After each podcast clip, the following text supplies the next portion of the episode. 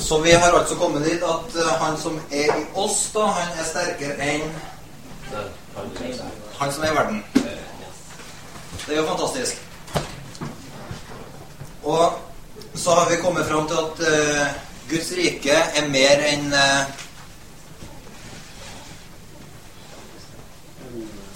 Mer enn Guds rike. Å tjene Guds rike er mer enn Menighet. menighet. Oi. Bra, Terje.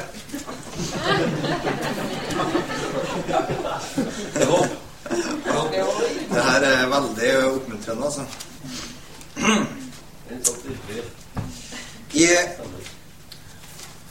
etter nyttår så har jeg befunnet meg sjøl Funnet meg sjøl gjentatte dager i diasporiaen. Eh, altså i bortført til Babylon. Eh, Jeg føler en hele gang på gang har tatt meg til de bøkene der og talt om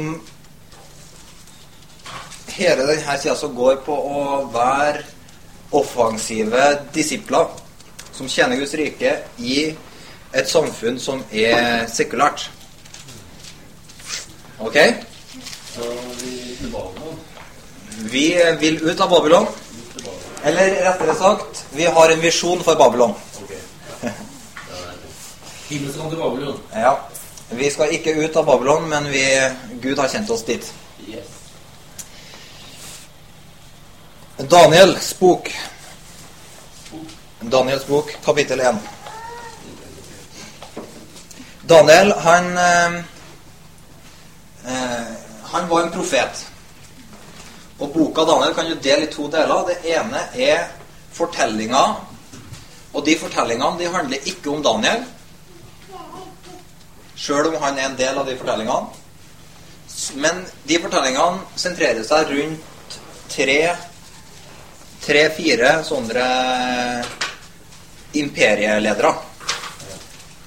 Ok? Og hvis du leser Daniels bok, så vil du alltid finne at de her eh, imperielederne blir presentert før først. Historiene fortelles fra deres ståsted. Ok?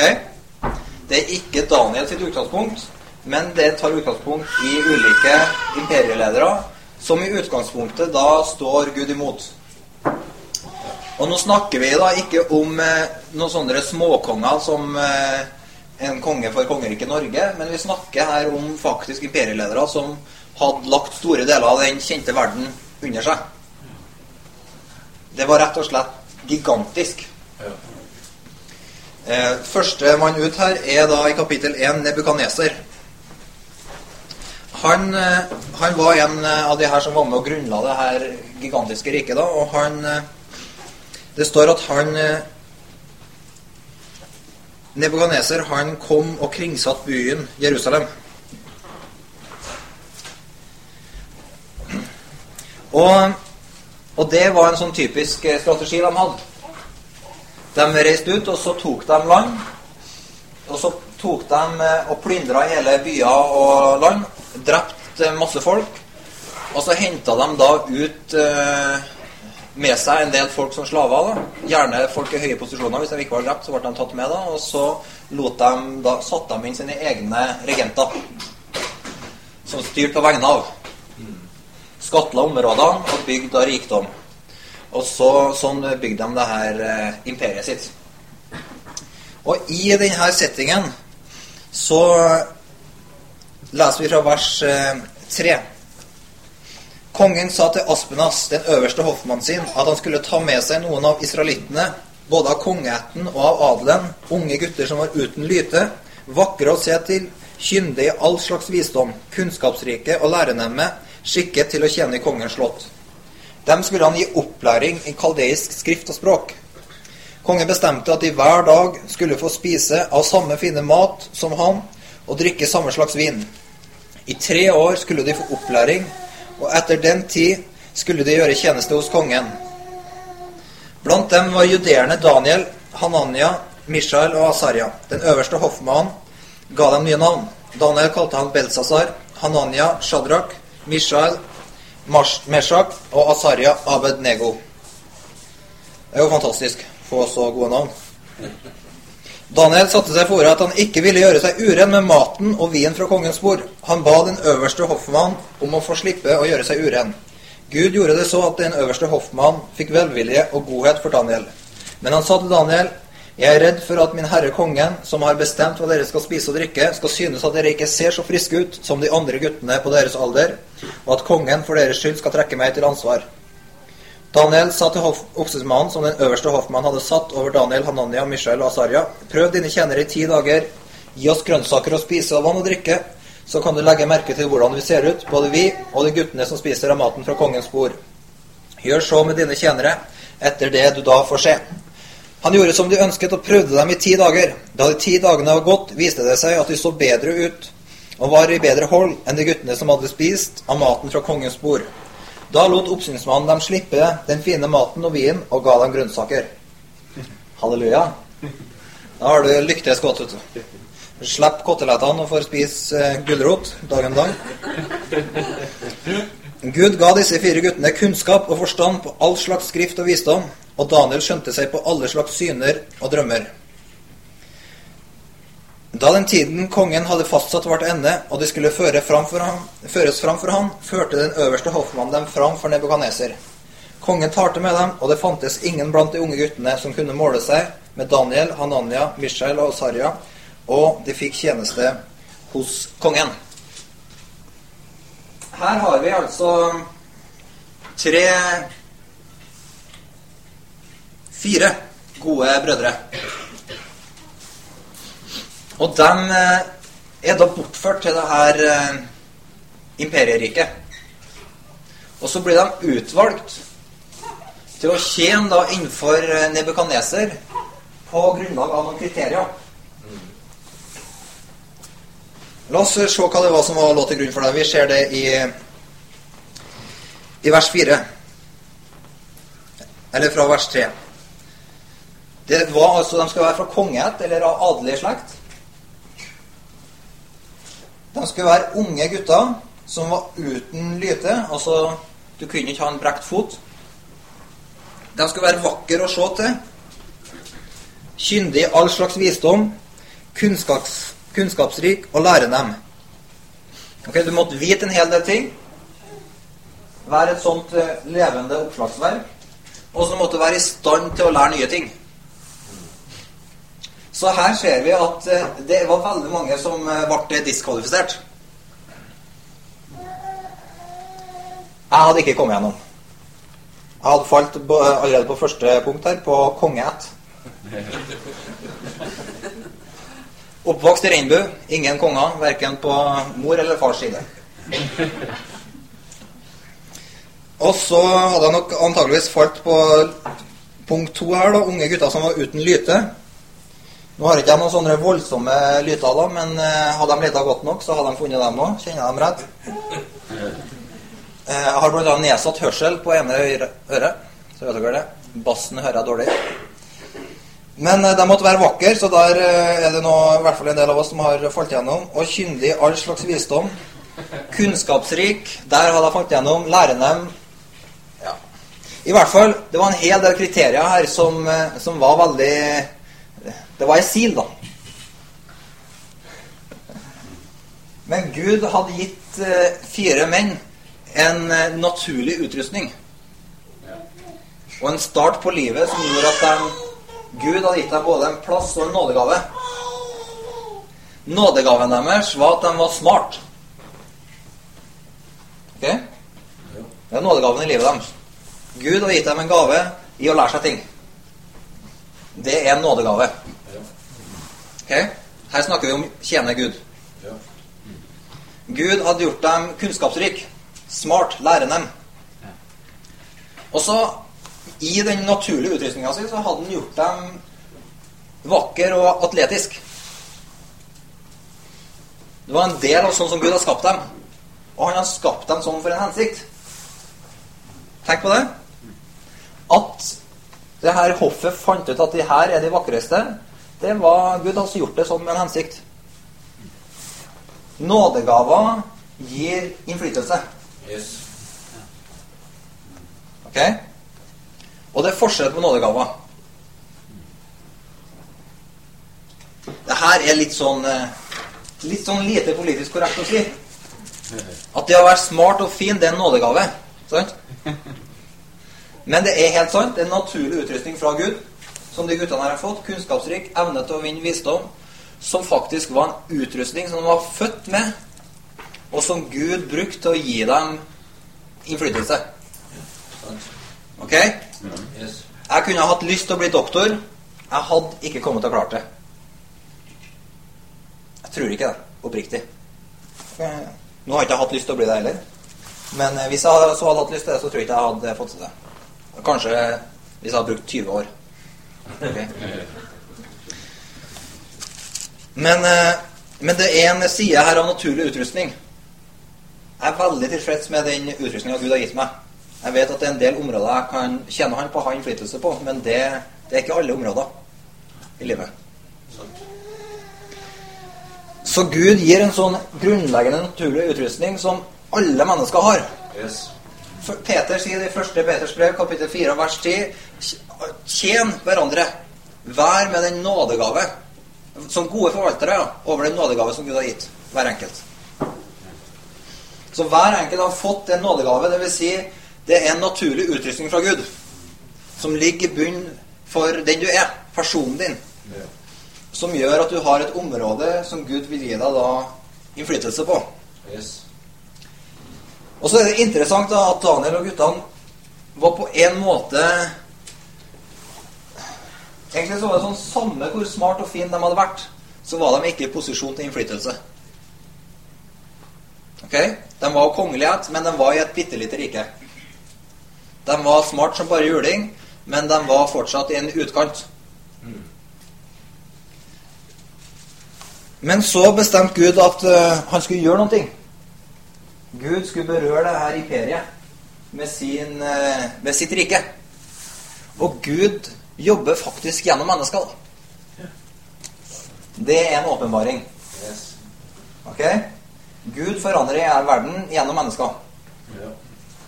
Så Sånn som vi så vidt var inne i går kveld. Gud jobber gjennom en ny skapning. Ok? Guds rike kommer gjennom nye skapninger Ja. som er født av Gud, og som Gud sender inn i verden for å forandre den og nyskape den. Inn i Guds verden. Ok, Så her har vi da Daniel og guttene. Smart og fin, kongelig ætt i en utkant. Det er veldig bra.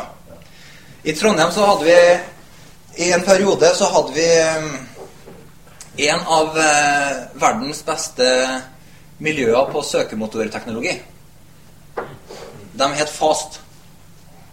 Ok? Det var kanskje topp tre i verden. Eller det var ganske sikkert. Topp tre i verden på søkemotorteknologi. Det var noen lyse hoder ved NTNU som starta den firmaet. Noen professorer og greier. Og så eh, hadde det seg jo sånn at eh, Trondheim er jo ikke verdens navle, da.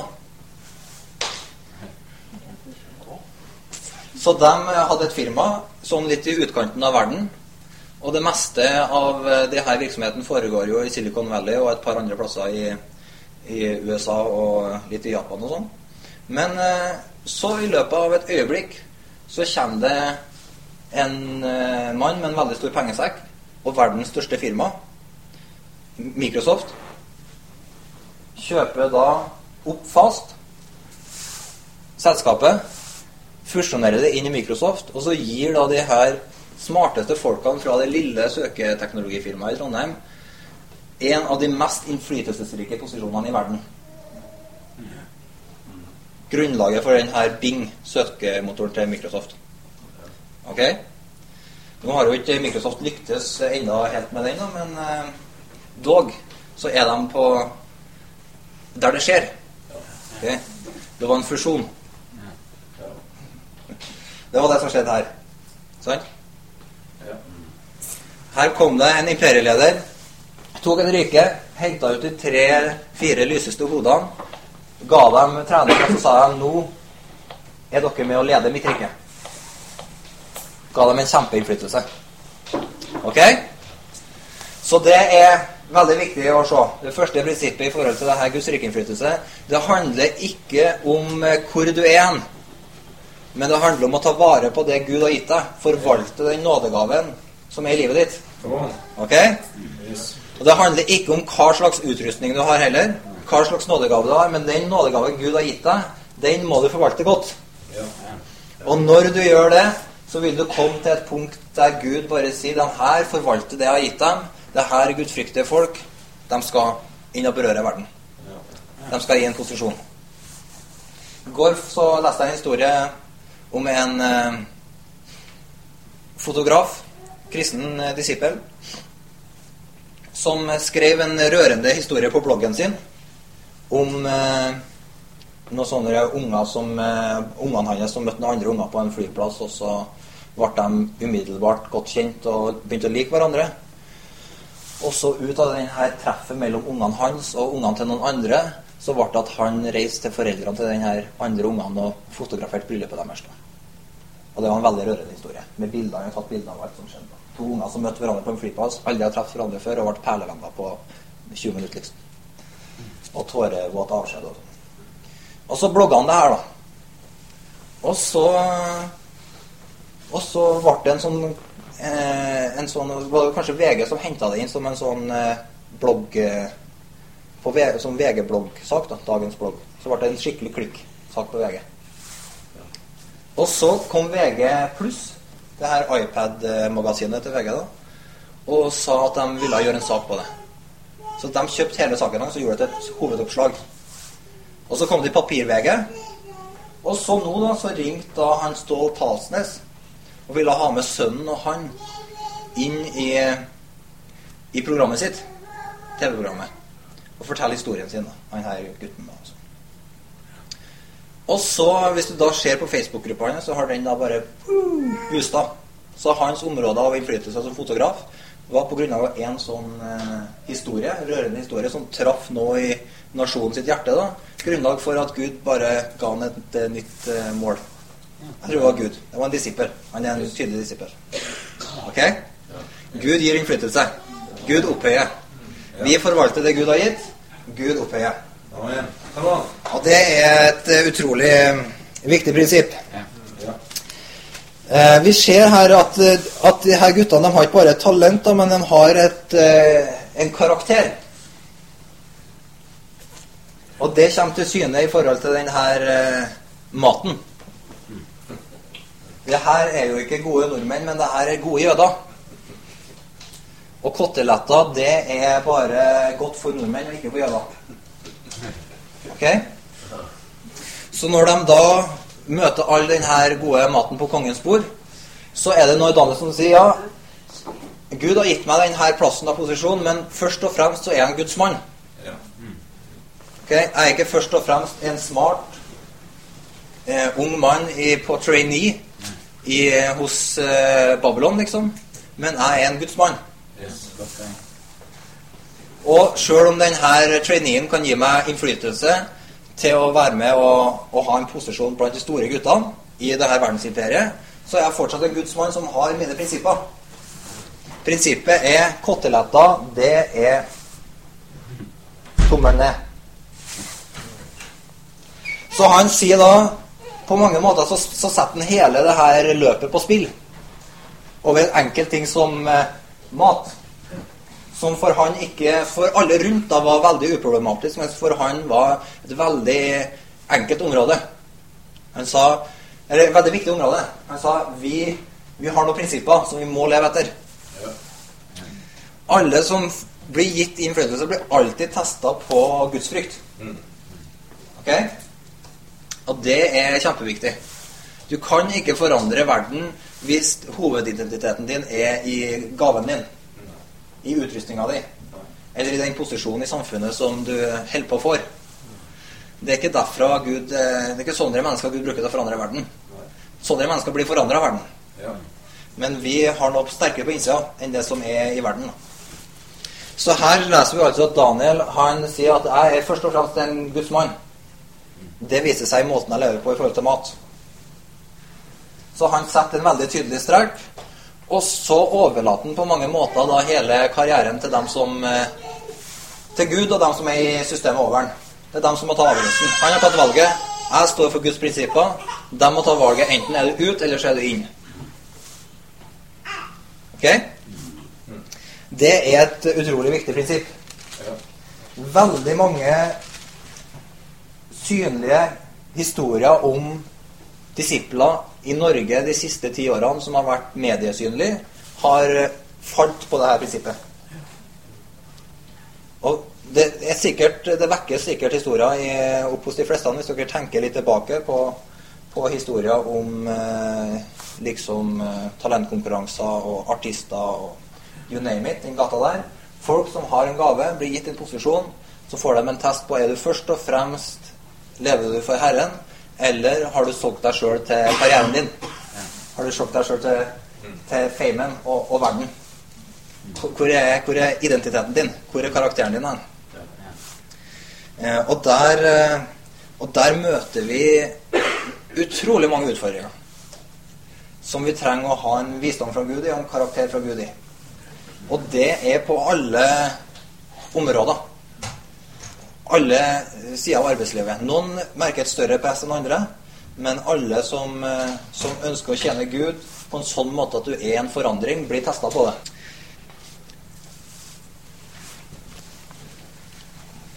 I kapittel tre 3 Nei, vi kan, ta, vi kan gå i kapittel 2 først. Der har eh, kong Nebukadneser en drøm. Kapittel 2 vers 1.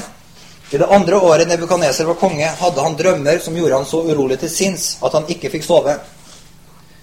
Da sendte kongen bud på spåmennene, åndemanerne, trollmennene og stjernetyderne for at de skulle fortelle ham hva han hadde drømt. De kom og trådte fram for kongen. Han sa til dem, Jeg har hatt en drøm som gjør meg så urolig til sinns. Jeg ønsker å få vite hva jeg har drømt. Stjernetyderne svarte kongen på arameisk. Kongen lever evig. Fortell dine tjenere drømmen, så skal vi si deg hva den betyr.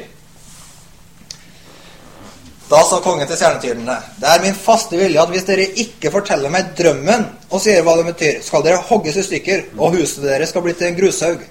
Men hvis dere forteller meg drømmen og sier hva den betyr, skal dere få rike gaver og stor heder av meg. Fortell meg derfor drømmen og si hva den betyr. Da svarte de for annen gang. Nei, nei, kongen må fortelle sine tjenere drømmen, så skal vi si deg hva den betyr. Kongen sa, jeg skjønner godt at dere prøver å vinne tid. Det kan man jo forstå, i lys av eh, Fordi dere ser at mitt ord står fast. Hvis dere ikke kan fortelle meg drømmen, vil samme dom ramme dere alle. Så her eh, ser vi at det skjer noe dramatisk. da. Her har vi en konge som har en drøm. Ja, jeg sier ikke hva det er, men dere skal finne ut hva det er. Og så er det da en dom som han er klar da, til å ta hele, hele eliten sin og kjøre dem i kverna. Klarer dere ikke å tyde denne drømmen, da er det samme dom over hele toppledelsen. Og så så sier da stjernetyderne i vers 10 det finnes ikke et menneske på jorda som kan fortelle kongen det han vil vite. For aldri har noen konge, hvor stor og mektig han enn var, krevd noe slikt av en spåmann, åndemanner eller stjernetyder. Det kongen krever, er for vanskelig. Det er ingen andre enn gudene som kan fortelle kongen det han vil vite. Men de har ikke sin bolig blant dødelige mennesker. Så her ser vi altså mennesker som kommer til slutten på seg sjøl.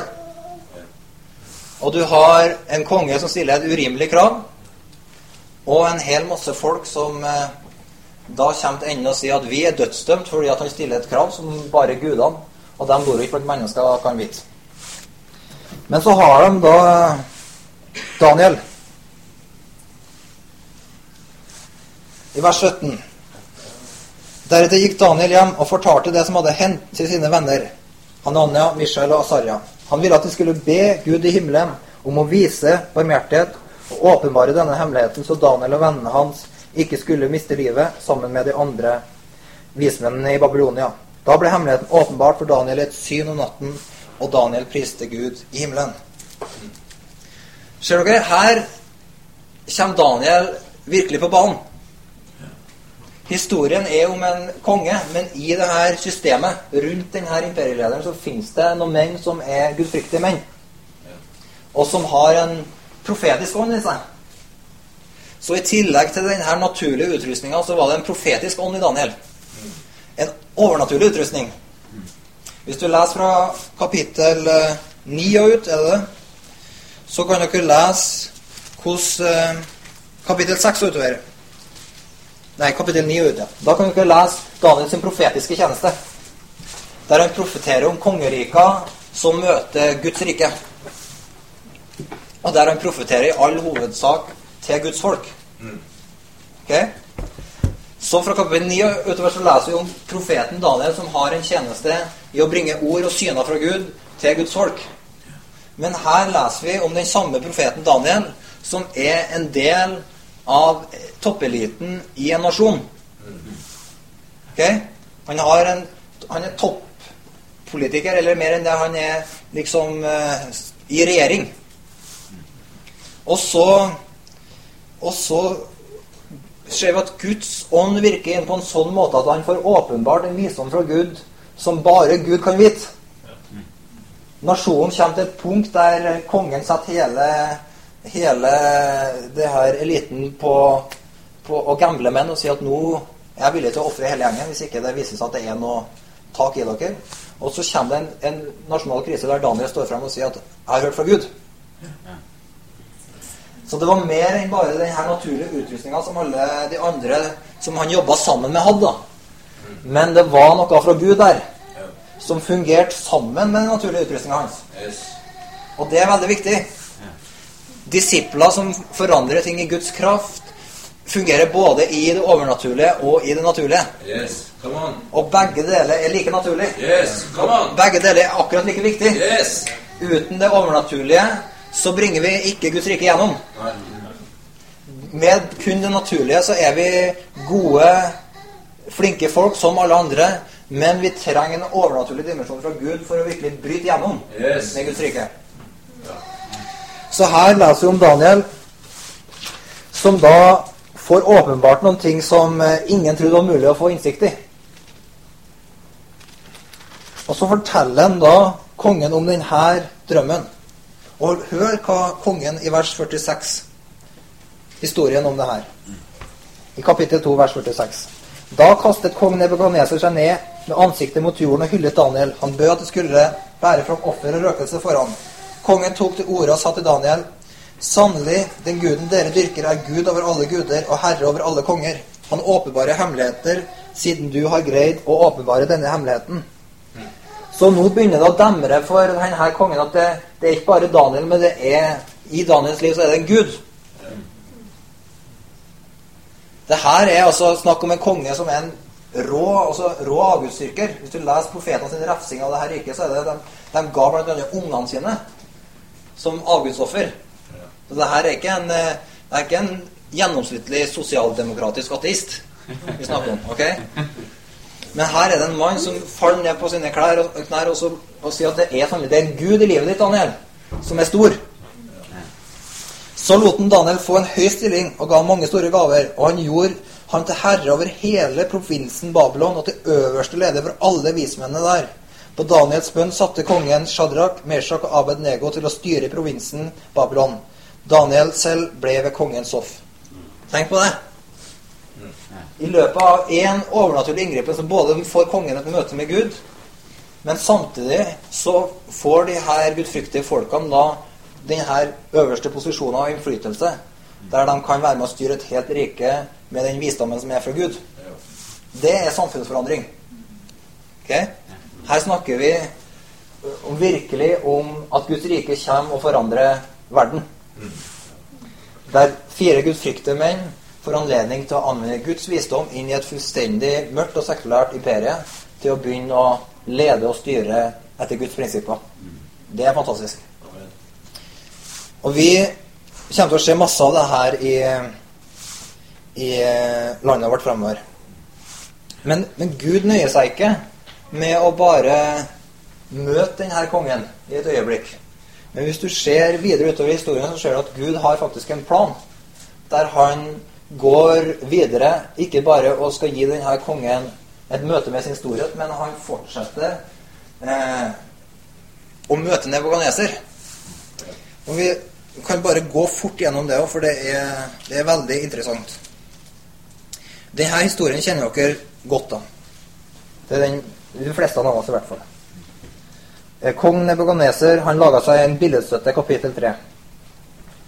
Og den var sånn at alle skulle falle ned for den. Og den som ikke tilba det her billedstøtta, den eh, personen, den eh, måtte kastes i ovnen med flammende ild. Og så er det da sånn at eh, det er de her gudfryktige brødrene, da, Shadrach og Meshach og Abed-Nego, de vil ikke gjøre det her. Ok, Nå er de i en posisjon der de styrer i hele provinsen. Først så var de bare en trainee og ble testa. Men nå har de faktisk fått en posisjon, og så det en ny test. Og igjen så er testen på karakter. Og vi ser de her tre elementene virke sammen.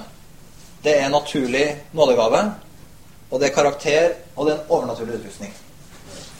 Så vi ser det er tre sånne grunnleggende elementer i forhold til å øve en sann Guds rike innflytelse.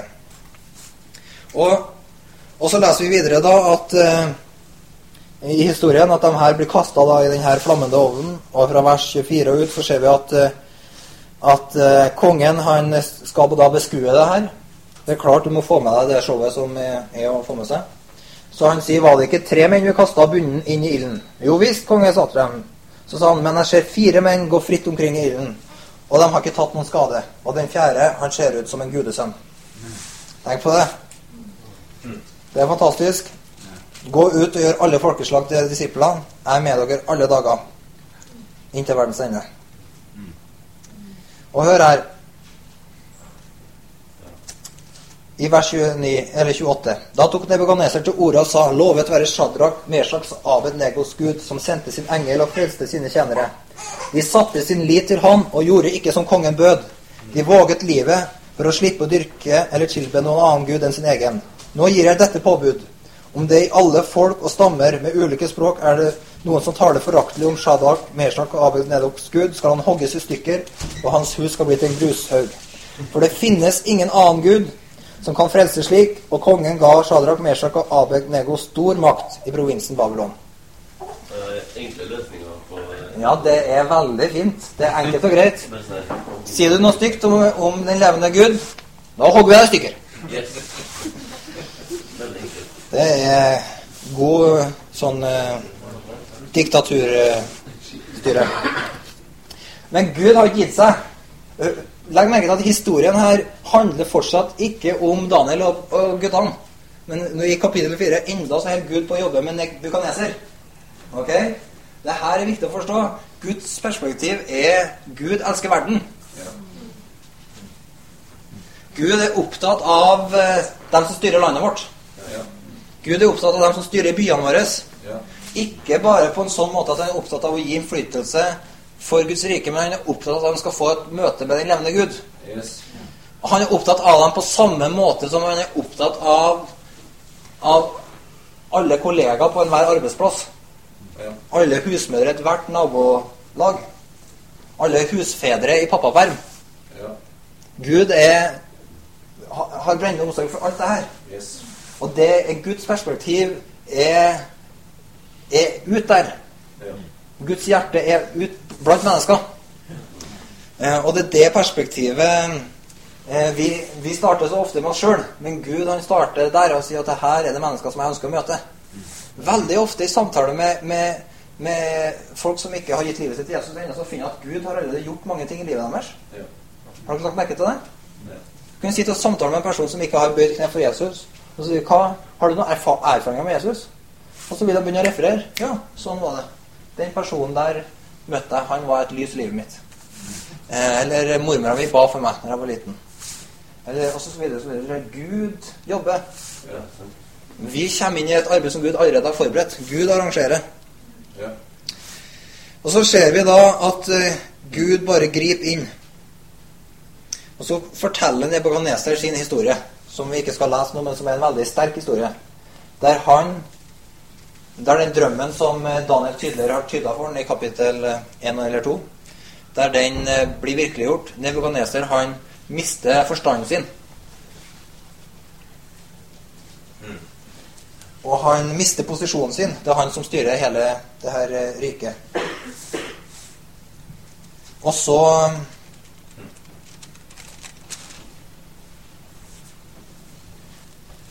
Skal vi lese fra slutten av kapittel fire, da.